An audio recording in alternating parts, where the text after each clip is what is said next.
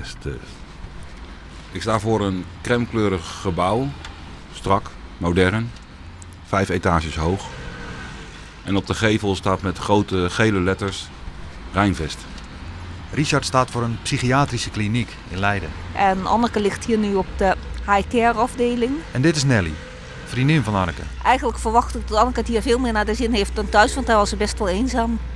Ja, dus het is eigenlijk wel mooi dit. Ehm, ik denk het wel, ja. We gaan op bezoek bij Anneke, maar mogen binnen geen opnames maken. Oké. En je kunt erheen Een microfoon en een psychiatrische afdeling is geen gelukkige combinatie, wordt ons verteld. Oh, is vragen of we erin kunnen. Ja, dat kan wel. Dat is een sluis tegen de warmte.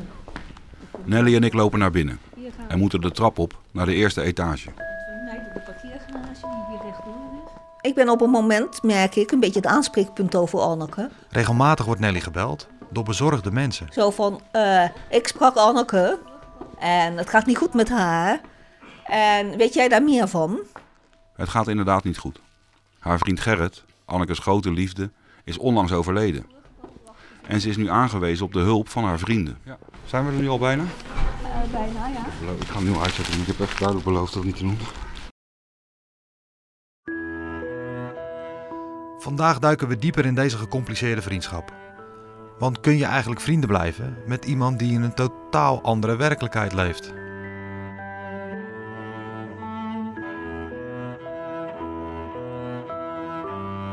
De vriendschap begint halverwege de jaren 70. Nelly en Anneke ontmoeten elkaar in Leiden tijdens hun studie wiskundige biologie. Bij de wiskundige biologie zitten toch wat meer mensen die de neiging hebben om dingen abstracter te bekijken. De serieuze beta-studenten. Ik denk dat wij meer tegen het nerds aan hingen. Ja. Waar blijkt dat uit? Ehm, het was niet zo dat we, als we uitgingen, we gingen uit om eh, bijvoorbeeld jongens te versieren. Daar hadden we, ik wil niet zeggen geen belangstelling voor, maar dat was niet de topprioriteit in ons leven. Dat was meer, eh, ja, ons ontwikkelen met studiezaken. Je houdt van formules. Eh, ja, ik hou wel van formules, ja.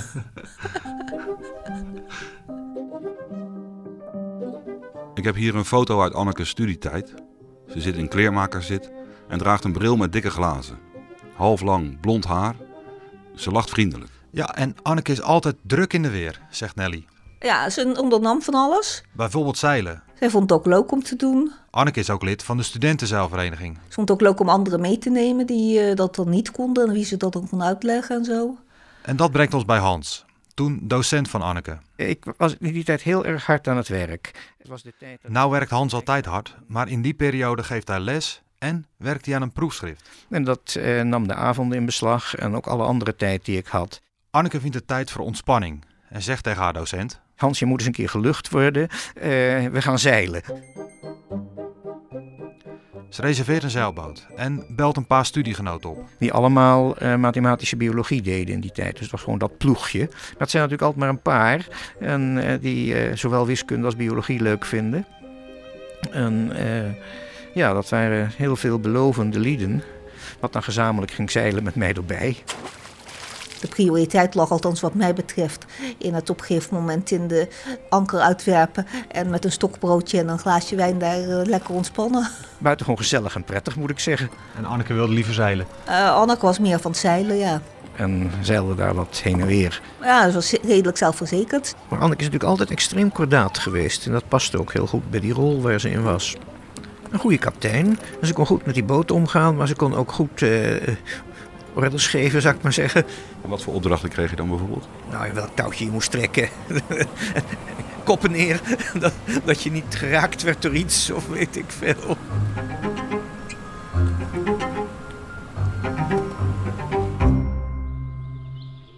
Anneke en Nelly kunnen het goed vinden met elkaar. En ze is dus een keer met mij meegeweest een, een weekendje naar mijn ouders.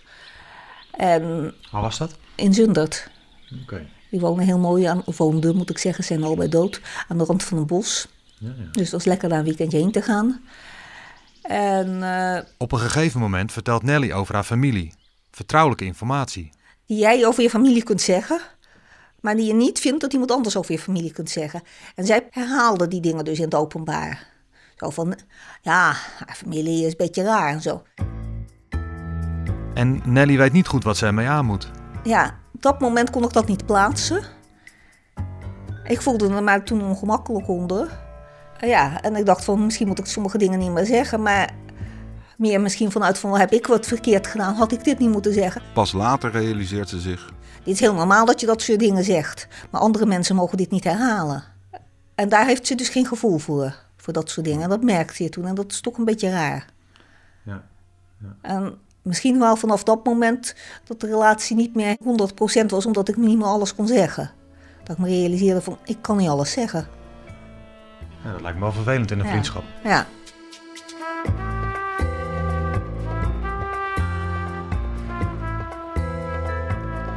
We spoelen een paar jaar vooruit, begin jaren 80.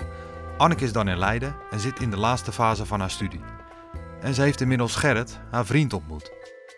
Anneke en Nelly zien elkaar in deze periode wat minder, omdat Nelly in Groningen studeerde. En toen kreeg ik daar dus bericht dat ze was opgenomen. En toen had ik nog zoiets van opgenomen, psychiatrie. Dat zijn allemaal eh, vreselijk. eh, dat, eh, hoe, hoe durven ze zoiets? Nelly gaat op bezoek bij Anneke. Ja, dan ga je daar naar binnen. Dat is helemaal nieuw. Ze is nog nooit in een psychiatrische inrichting geweest. En dat is best wel schrikken. Je komt daar eh, achter een gesloten deur. Op dat moment denkt ze, Eigenlijk eh, moet ik zorgen dat ze hieruit komt. Dat was mijn gedachte. Want eh, in de psychiatrie in een kliniek zitten, dat was opgesloten zijn. Dat kan toch niet? ze treft Anneke aan in een verwarde toestand. En dan merk je dus vervolgens dat ze helemaal eh, geen idee meer heeft van de enige realiteitszin.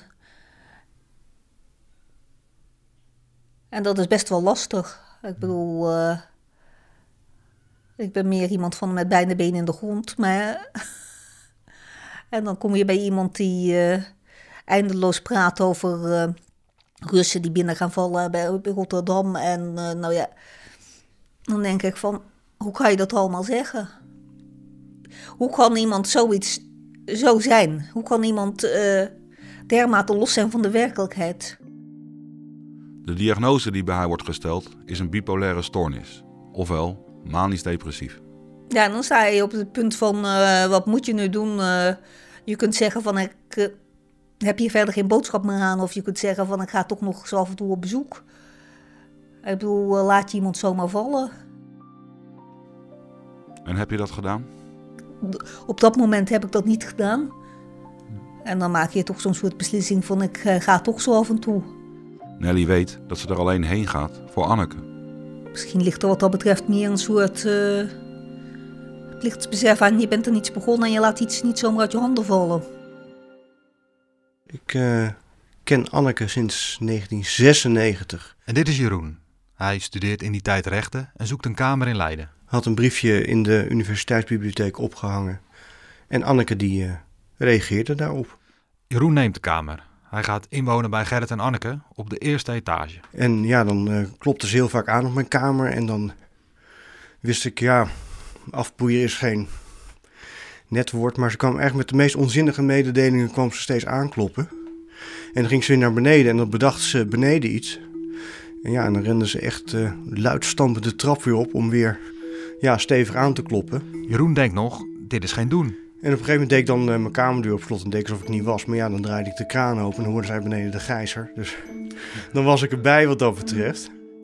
Anneke is hyperactief, zegt Jeroen. Dat ze eigenlijk steeds drukker werd en steeds minder uit handen kreeg. Hij kan er maar moeilijk mee omgaan. Ja, ik vond dat lastig. Ehm, het, is, het, is, het, het heeft iets ongemakkelijks, maar ook, ook wel bijna iets beangstigends als iemand zo, ja, zo, zo half naast die waarheid zit en je kunt eigenlijk met eh, normale contact, dus het visuele contact, verbale contact, echt niet, niet echt grip op iemand krijgen. Oké, we lopen nu door de achterdeur naar buiten, de tuin in. Ze hebben een tijd lang een moestuin gehad. En eh, daar stonden appelbomen en er was inderdaad een schommel. En mijn kinderen hebben hier ook nog vaak gespeeld. Gerrit en Anneke hebben een diepe achtertuin. De pergola Er staat een pergola begroeid met druiven. En daaronder staat een barbecue. met een paar verdwaalde kooltjes er nog in. Gerrit die, eh, die nestelde zich dan eh, in een stoel. En eh, Anneke die, ja, die kon eigenlijk, eh, ja, was al twee dagen dan met zo'n barbecue eh, bezig met inkopen doen. En maakte zich ook bloed en bloed eh, nerveus. Maar puntje, paaltje, nou, was daar zo onrustig vaak door dat ze het zelf niet meer uit handen kreeg. En eh, ja, vaak mijn vrouw en ik dan het voortouw, maar namen soms ook met een, nicht van Gerrit om de barbecue te draaien. Dus eigenlijk was de praktijk dat ik eh, de barbecue draaide en de andere mensen opschepte. Maar het was altijd ontzettend gezellig en, en leuk. Anneke is dan ook heel gastvrij. Ja, ontzettend gastvrij. Alleen ze liep zichzelf daar aan voorbij. En wat ik dan vaak ook wel heel schrijnend vond, was niet alleen bij de barbecues, maar ook bij, bij andere feestjes. Ja, dan zat ze een beetje stil vaak. Dan, eh, ja, dan was het eten net zo'n beetje klaar of nog niet klaar. Ze nam niet heel veel actief mee met het gesprek. En dan stortte zij compleet in. En dan ging zij om half acht 's avonds naar, naar boven om te gaan slapen. Terwijl zij zich daar toch ontzettend veel had- van had voorgesteld. Dat vond ik altijd wel heel sneu voor haar. Barbecues werden ook steeds rustiger, laat ik het zo zeggen. Ook omdat Anneke het gewoon niet meer aankon als er zoveel mensen kwamen. Dus werd het gezelschap steeds kleiner. Periodes gaat het ook redelijk tot goed met Anneke. Zo regelt ze via de sociale werkplaats dat ze bij haar oud-docent Hans aan de slag kan. En ze heeft dus een tijdje bij mij in de groep gezeten daarna nog, met het idee dat ze aan promotieonderzoek zou gaan werken. Ze voelt zich goed en om zich beter te kunnen concentreren op haar werk, stopt ze met haar medicijnen. In het begin ging dat nog betrekkelijk redelijk wat ze bij mij wou. Maar Anneke doet iets wat gezien haar ziektebeeld niet goed is. Ze begint veel alcohol te drinken. En ze wordt lastig en agressief. Eh, Niet naar mij toe overigens, maar naar eh, een paar van mijn medewerkers was ze wat lastiger. Die konden daar moeilijker mee omgaan dan ik. Ze waren wat minder afstandelijk hierover. Totdat het op een dag echt misgaat. Op een gegeven moment heeft ze de directeur van het instituut, daar was het niet mee eens. En is op een bureau geklommen en heeft die besprongen alsof ze een kat was. Het was toch wel een soort van eh, handeling die maakte dat ze zichzelf onmogelijk maakte, helaas. Maar uiteindelijk is dat gewoon doodgebloed, het geheel. Deze poging om eh, bij mij rechtstreeks een, een, eh, nog een stuk promotieonderzoek te doen. Er is weer een barbecue afgesproken. Jeroen staat met zijn gezin voor de deur en belt aan. Gerrit en Anneke doen verbaasd open en vragen wat ze komen doen. En wij zeiden, nou, barbecuen. Ja, paniek alom. Ik zei, ja, maak je geen zorgen, ik haal wel even wat. Binnen een half uur is Jeroen terug met een tas vol boodschappen. En eh, het vuur brandde toen al. En toen lag het spul erop. En toen zei Gerrit dus tegen Anneke Feitjes... Kijk, zo kun je een barbecue ook in een half uur voorbereiden, hè? In plaats van twee dagen. En Anneke reageerde daar niet echt op. Maar ik, ja, ik, ik, ik voelde daar toch wel zelf wat, eh, wat verschijnende pijn bij. In het begin was Gerrit er voor Anneke. Ja, Maar ze lijken steeds meer uit elkaar te groeien. hij, hij liet niet echt los over hoe hij ehm, dat voelde. Maar je merkt het wel aan opmerkingen van... eh, ja, ik zie hem nog zitten, want hij eh, is veel in India ook geweest. Dan zat hij vaak in zo'n, in zo'n kleermakerszit. Zat hij dan eh, in zijn stoel met zijn pijp. En had een kunstgebit. En daar zat hij dan een beetje mee eh, te schuiven en te kauwen. Zei hij van ja, Iedere keer als het gebeurt kost het me toch weer 3000 gulden. In laptops die kwijt zijn, fietsen die zijn gejat. Althans, die Anneke dan liet, eh, liet rondslingeren. Gerrit praat vrij zakelijk over Anneke's ziekte. Ja, dan op een gegeven moment krijg ik wel door dat het gaat doorbreken. En ja, dan zie je het aankomen en kun je niet anders dan afwachten. Maar ja, hij, hij, hij bleef dat heel rationeel benaderen. Maar ik kan me niet voorstellen dat het hem niks deed of dat het makkelijk voor hem is geweest. Absoluut niet. Ondanks alles blijft Gerrit tot zijn dood bij Anneke. Ja, het, het, het is een, ik denk dat het wel een voorbeeld is van, van, van echt, eh, er- echt trouw zijn aan iemand door dik en dun. Want dit, is, eh, ja, dit was heel heftig hoor. Na de dood van Gerrit moet het huis worden verkocht. En dat ligt gevoelig. Het zit zo. Nelly is vriendin van Anneke, maar ook executeur van het testament van Gerrit. En hij heeft het huis niet nagelaten aan Anneke. Dus enerzijds probeer ik te zorgen dat het haar een beetje goed gaat. En anderzijds moet ik ook zorgen dat ze het huis uitgaat. Die twee dingen wringen. Waarom wringt dat? Omdat zij dat huis niet uit wil. En zij beschouwt het als haar huis waar zij woont en waar ze wil blijven. Wat om een hele praktische reden ook niet kan. Het is gewoon geen geschikt huis om in te wonen voor haar. Omdat Nelly al executeur is en dus het testament moet afhandelen, kan ze niet tegelijkertijd ook curator zijn. En uh, Daarom moeten ze iemand inhuren. moet je maar hopen dat het allemaal goed gaat. Ja. En dat voelt, is best wel raar om iemand te zeggen van... eh, geef je lot maar aan iemand anders in handen. Van een vriend. Ja, ja, van een vriend, iemand die je goed kent. Iemand die je ook weet dat hij bepaalde dingen wel of niet wil.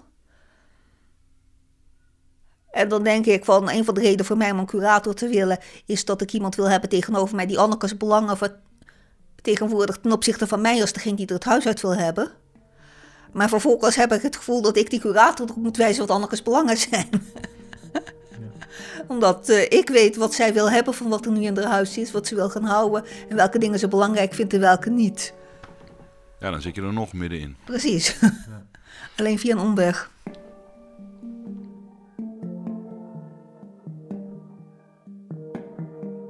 Jeroen is onlangs nog uitgenodigd bij Anneke voor een barbecue. En wij stonden daar op tijd en stond de, voor, de voordeur stond wagenwijd open. Eh, de woonkamer was bezaaid met fotoboeken, papieren, rotzooi. Het was echt alsof er een bom was ontploft. En nergens Anneke te bekennen. En dan sta je daar met drie kinderen. Jeroen zegt dat hij boven gaat kijken of Anneke misschien daar is. En die jongens wilden mee. Nou ja, goed. Meteen toch naar scenario's in gedachten van nee, niks ervan, jullie blijven beneden. Jeroen haast zich de trap op naar boven. Maar dat was ze niet. En dan kwam ze gewoon een half uur later met twee zakken boodschappen aan. Dan was ze lopend naar de, naar de slager geweest. En klopte alles uiteindelijk. Maar het was een heel onheimische ervaring om zo'n huis binnen te komen... waarvan de voordeur open staat en niemand te bekennen is. En ja, ik vrees toch dat, dat, dat Gerrit toch net die ene zekerheidsfactor voor haar was... die voor haar een, eh, een goed leven, althans een goed leven, een, een, dat het hanteerbaar bleef. Nelly helpt Anneke met praktische zaken, bijvoorbeeld pinnen, want dat kan ze niet meer. Ah, dus ik ga er eens in de week naartoe met 100 euro, zodat zij weer boodschappen kan doen. En, en dat doen jullie samen? Of, of, of Ah, nee, ik eh, la- laat haar zoveel mogelijk die boodschappen zelf doen. Zij kan lopen, ze kan best een tas dragen, ze kan naar die winkel toe. Het is ook alleen maar goed als ze dat doet. Het is helemaal niet goed als mensen iets, alles uit iemands handen nemen. Maar soms moet ze wel ingrijpen. Voordat de curator in beeld was, beheerde Nelly Annekes bankrekening. En heb ik ook op een gegeven moment gedacht, ah, van de 1000 euro die ze per jaar geeft aan goede doelen, kan best wel wat af eh, voor iemand die in een uitkering zit.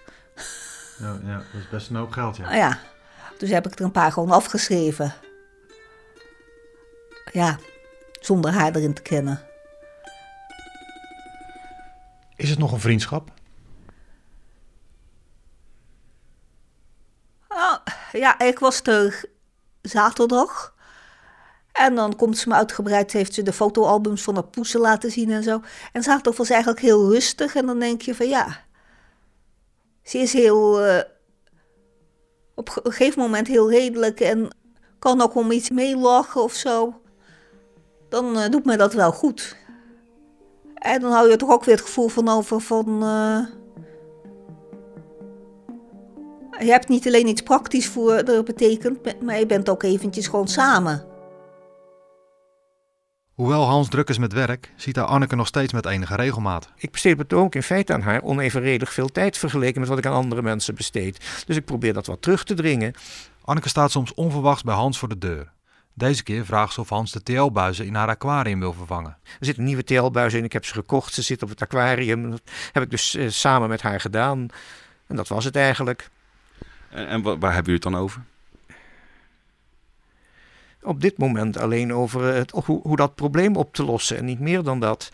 Op andere momenten hebben we het over het verleden. Zo nu en dan we wat herinneringen op eh, aan de tijd, eh, de goede oude tijd. En ik heb wel het gevoel dat ik eh, eh, ja, wat geef wat ze in de tijd voor mij gedaan heeft. Ze mij dus, dus uit al die workaholic sfeer trekken. eh, dat ik ook voor haar wat mag terugdoen, ja. En veel meer dan dat kan ik niet doen. Ik kan niet haar direct heel erg sturen. Dat werkt niet.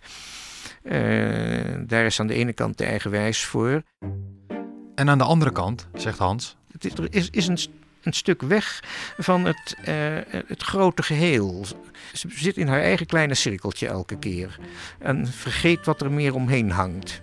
En dat is ook bij het praten met haar, dat het moeilijk is om daar doorheen te komen. Op de een of andere manier is daar een soort van kortsluiting in haar dat ze niet daar buiten kan kijken. Volgens Hans heeft sturen dus geen zin. Maar Nelly ziet dat anders. Inmiddels heeft de ervaring mij geleerd van uh, zo af en toe probeer ik er terecht te wijzen als ze iets zegt. Ik bedoel, nu roept ze alsmaar dat ze wil promoveren. En als ik dan zeg van nou, volgens mij gaat dat niet lukken, dan zegt ze, jij gaat daar niet over. En als ik dan zeg van nee, ik ga daar niet over, dat is waar. Maar er gaat een promotiecommissie over. Soms lijkt Nelly's goed bedoeld advies door te dringen. Maar de volgende keer is dat weer weg. Gegeven alles wat er gebeurd is, kan het nooit meer een wederkerige gelijkwaardige vriendschap zijn. Dat kan gewoon niet meer. Ik ondersteun haar nu. In een aantal opzichten noem je dat mantelzorg. Alhoewel ik dat, die term voor mezelf probeer te vermijden.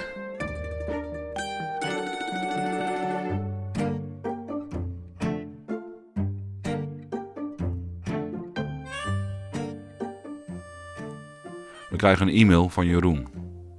Hij laat ons weten dat Anneke van der Week gedwongen is opgenomen. Ze vandaag heeft ze twee keer gebeld. Vind je het lastig als hij belt? Ja, ik vind dat wel moeilijk. Ik, het, het, het vervult me met, met, met toch wel een, een medelijden. Ik vind het gewoon iets aangrijpends hebben. Dat iemand op die manier toch het contact met, uh, met de wereld kwijtraakt.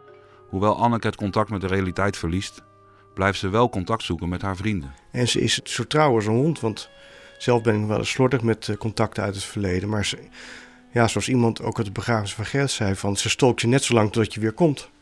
Ja. Dus zij houdt dat echt warm. En uh, dat betreft uh, kan ik een voorbeeld aan haar nemen. Dat vind ik wel heel knap.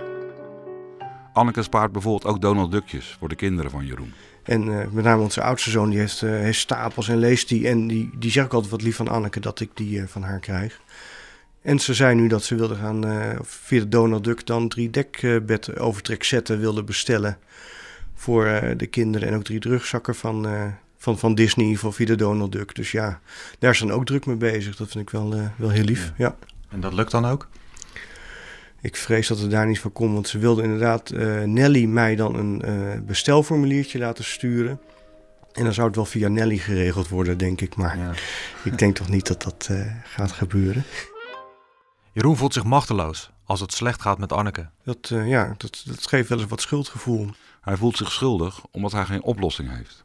En ik heb laatst ook met iemand gepraat over uh, uh, het gevoel van onmacht. En die persoon zei tegen mij van er is een verschil tussen er voor iemand zijn en iets voor iemand kunnen doen. Dus in dat opzicht leg ik voor mezelf denk ik de lat te hoog voor wat ik zou willen doen. En als ik dat dan niet kan doen, dat ik het dan ook niet doe. Ja. Ja. En dat, uh, ja, dat maakt het voor mij gewoon moeilijk. Maar ik besef wel van als zij inderdaad, uh, als wat beter is, dan vindt ze het gewoon fijn om iedereen om zich heen te hebben. Dus in dat opzicht, ja, kun je er dan wel voor. Haar zijn. Ja. Je kunt dus alleen praktische dingen voor haar doen. Want echt emotioneel contact maken met haar is, vrees ik, zelfs in goede periode eigenlijk niet mogelijk. Bent u al op bezoek geweest waar? Uh, nee, ik, uh, maar ik ben de afgelopen week in Oostenrijk geweest. Hans was daar voor werk. Maar hij is al wel in haar oude huis geweest. Het huis is nou niet verwarmd. Elektriciteit wordt afgesloten, want die is eigenlijk te gevaarlijk. En dat betekent dat het aquarium gewoon naar de knoppen gaat. Dus schept hij met een netje de vissen eruit. Laat hij het aquarium leeglopen. Ja. En brengt hij de vissen naar de dierenwinkel. Dit, dit is dat aquarium of niet? Dit is het aquarium, ja. Het is bijna drie meter lang? Ja, dat was 750 liter geloof ik. Het zag er heel mooi uit, maar het was de laatste jaren toch al helemaal niks meer. En ik moet daar nog één deze dagen naartoe om uh, het verder schoon te maken, want anders gaat het stinken. Omdat er gewoon de elektriciteit niet aan is. Hans wil binnenkort ook bij haar op bezoek in de crisisopvang. Haar is te bezoeken, want dat zou ik toch wel ja, niet meer dan fatsoenlijk vinden. Ja, is het uit fatsoen? Of, of is, dat, is dat vriendschap toch nog steeds? Of? Ja, wat is vriendschap? Ik weet niet zo goed wat dat betekent uh, in deze context. Kijk, Anneke is natuurlijk een heel ander iemand nou dan ze was. Dus dat betekent dat uh, niet, ik heb niet meer onmiddellijk het gevoel met dezelfde persoon te maken hebben wat dat betreft. En dat is, uh, ja, dan is het dus onduidelijk wat is vriendschap. Ik bedoel, je, uh, de directe betrokkenheid is wat anders dan die vroeger was in ieder geval. Ik mocht er graag en wat ik nu zie is niet iemand die ik onmiddellijk graag zou mogen. maar ja, ik, heb, ik vind het toch weer gezellig om het te zien. Dat is...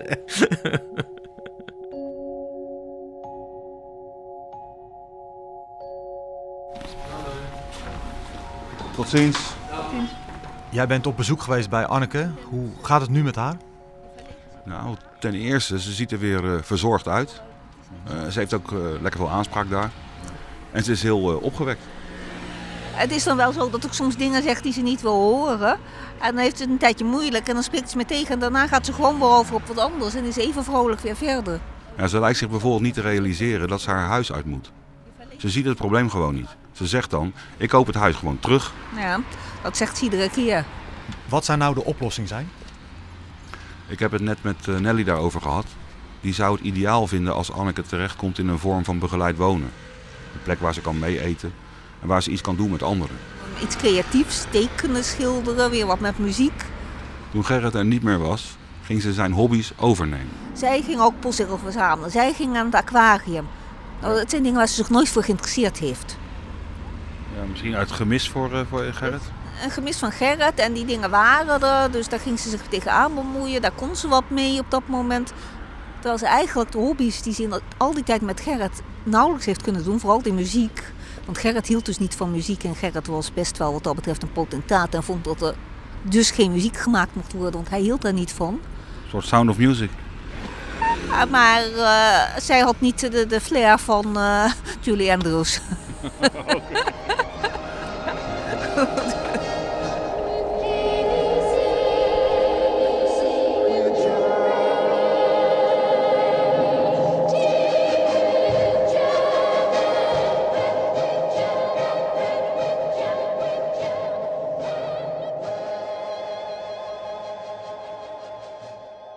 Ik heb Anneke vlak voor haar gedwongen opname nog gesproken. Maar een redelijk gesprek bleek moeilijk. Ik heb een bipolaire stoornis, er valt prima mee te leven. Uh, is dat altijd zo geweest? Ja, als kind kreeg ik helemaal geen pillen. Toen ging het ook uitstekend. Anneke is positief en denkt dat ze alles aan kan. Maar echt contact maken blijkt ook voor mij niet mogelijk. Ik kan iemands uh, geest lezen. Snapt u? Maar zingen, dat doet Anneke gelukkig weer met alle liefde. Zal ik het voorzingen?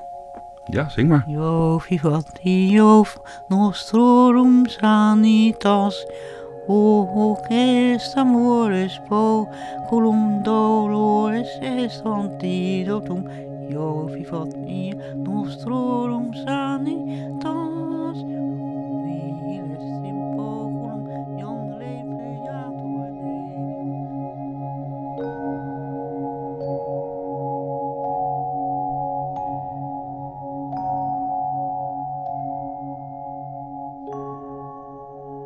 moeten nog wat mensen bedanken. Ja, zeker. Willen we ook. Uh, Nelly, Hans en, uh, en Jeroen. Maar uh, vooral natuurlijk Anneke. Meer verhalen vind je natuurlijk op onze website makersradio.nl. En nou ja, beoordeling achterlaten vinden we ook leuk. Dus als je dat wil doen, recensie, ook heel goed. Tot de volgende keer.